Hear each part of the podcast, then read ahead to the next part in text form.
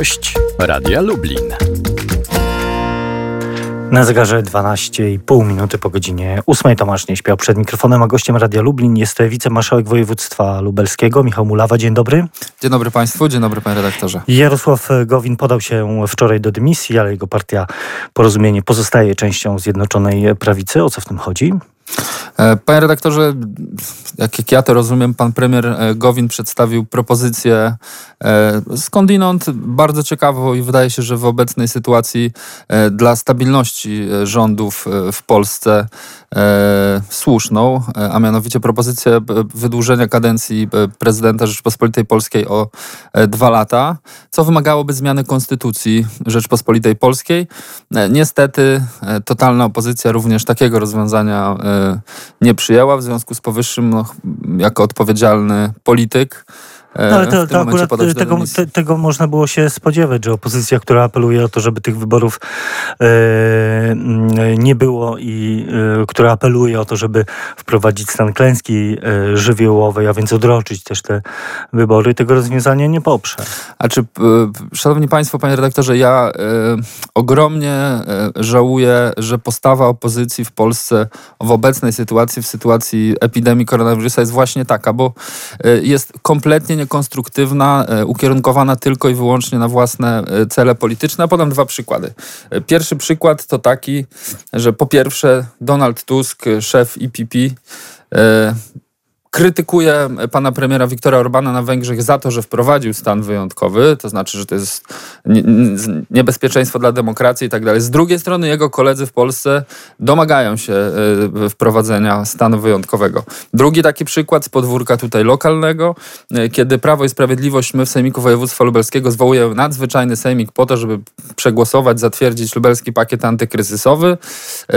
Część opozycji, mówię tutaj o Polskim Stronnictwie Ludowym, panie pośle Hetmanie, krytykuje nas za to, że to nie jest w formie e, online, tylko w, normalnych, no bezpiecznych oczywiście warunkach, a z drugiej strony w Sejmie domagają się nie, zupełnie czegoś innego. Mamy, e, mamy z tym problem, mamy opozycję wyjątkowo nieodpowiedzialną w czasach epidemii, muszę to z przykrością stwierdzić e, i po prostu robimy to, do czego jesteśmy zobowiązani. I rząd Rzeczpospolitej Polskiej ciężko pracuje nad tym, żeby po pierwsze zapewnić zdrowie i bezpieczeństwo Polaków. Po drugie, żeby skutki gospodarcze tej, tej pandemii były jak najmniejsze, to, że one będą, to, to jesteśmy tego pewni. E, my również w zarządzie województwa pracujemy po to, żeby e, te skutki gospodarcze po pierwsze e, dla przedsiębiorstw w regionie były jak najmniejsze, po drugie, żeby zapewnić zdrowie i bezpieczeństwo mieszkańców województwa lubelskiego. To a propos bezpieczeństwa właśnie. Pan marszałek jest przekonany, że wybory 10 maja, jeśli do nich dojdzie, a wszystko na to wskazuje, że dojdzie, będą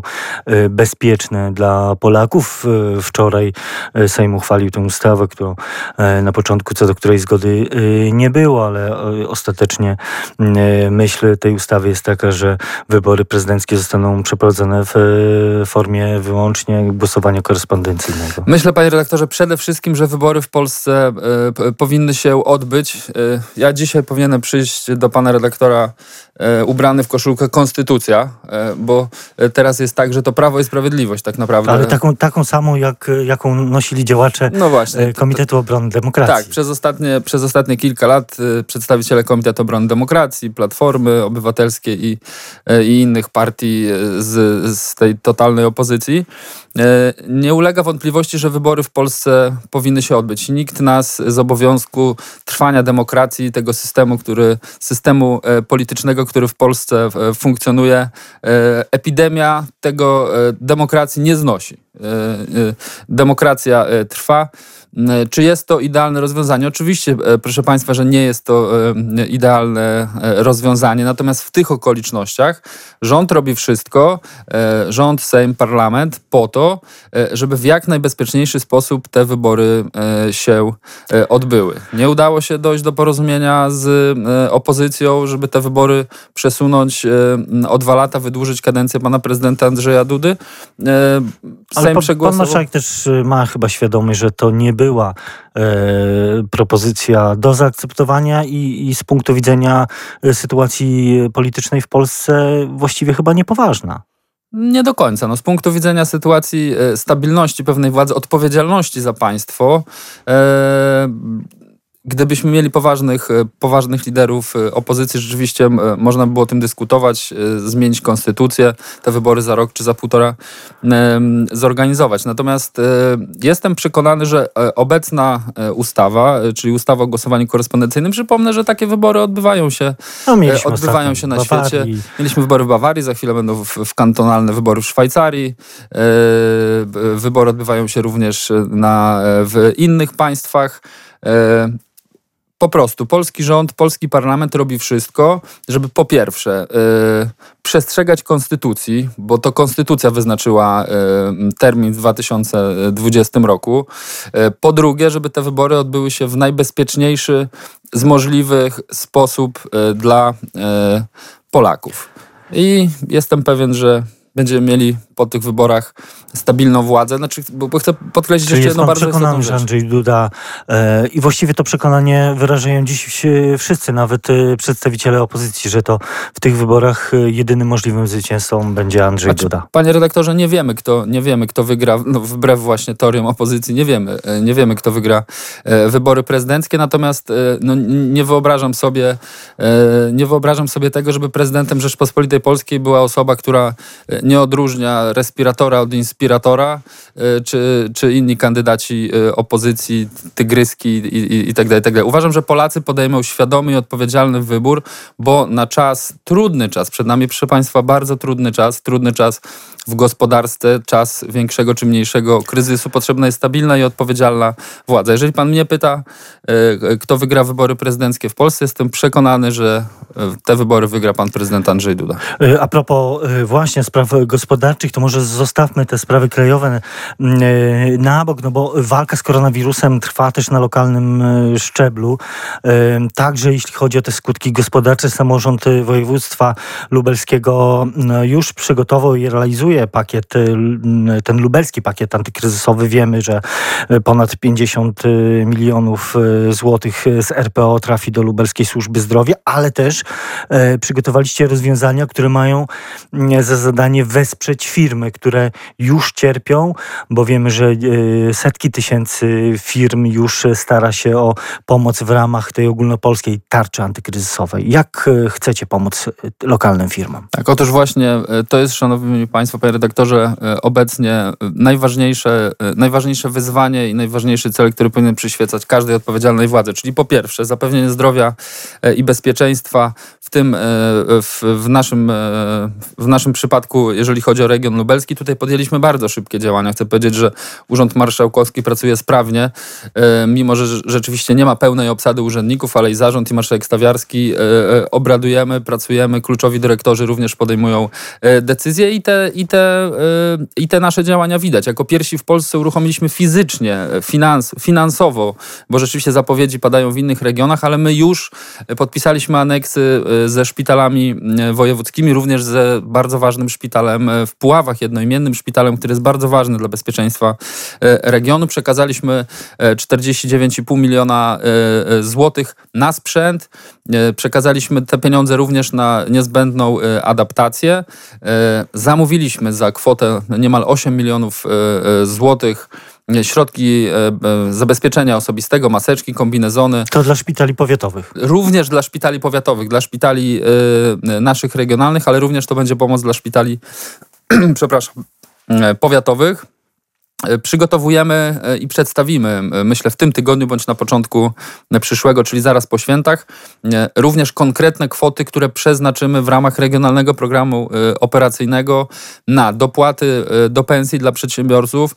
Przypominam, że ten program, program tarczy antykryzysowej, bo my realizujemy te działania dla przedsiębiorców wspólnie z rządem. Jesteśmy tutaj w bliskim kontakcie z Ministerstwem Funduszy, również z panem wojewodą Lechem Sprawką. Część środków z regionalnego programu operacyjnego e, przekażemy na realizację tarczy antykryzysowej.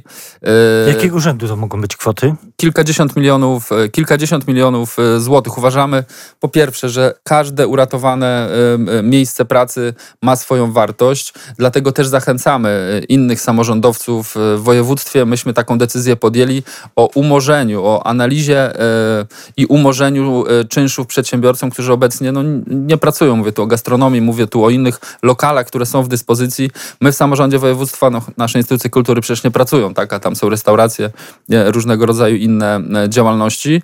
No, ale też same instytucje przychodów nie mają z tej też same instytucje, działalności. Też same też same instytucje przychodów nie mają, no ale one są wygaszone. My wprowadziliśmy tam, e, że tak powiem, no, e, oszczędności. Musimy wspólnie, e, musimy wspólnie i solidarnie ten czas, ten kryzys przetrwać. I chcę panu redaktorowi powiedzieć i też wszystkim państwu, że ja głęboko wierzę, jestem o tym przekonany, że Polacy nieraz już to udowodnili, w takich trudnych czasach, trudnych chwilach potrafią się jednoczyć, potrafią wspólnie działać i przetrwamy. Przetrwamy ten kryzys, e, gospodarka wróci do, e, na swoje e, tory, natomiast jak będzie to wyglądało, na pewno świat po e, epidemii koronawirusa będzie inny, Polska również e, będzie inna. Kluczowe też e, bez wątpienia będą wszelkie inwestycje publiczne, żeby jakoś przetrwać ten kryzys gospodarczy, no ale no, też ciśnie się na usta pytanie o to, czy te nasze choćby drogowe, strategiczne, kluczowe inwestycje dla regionu w związku z kryzysem nie są zagrożone?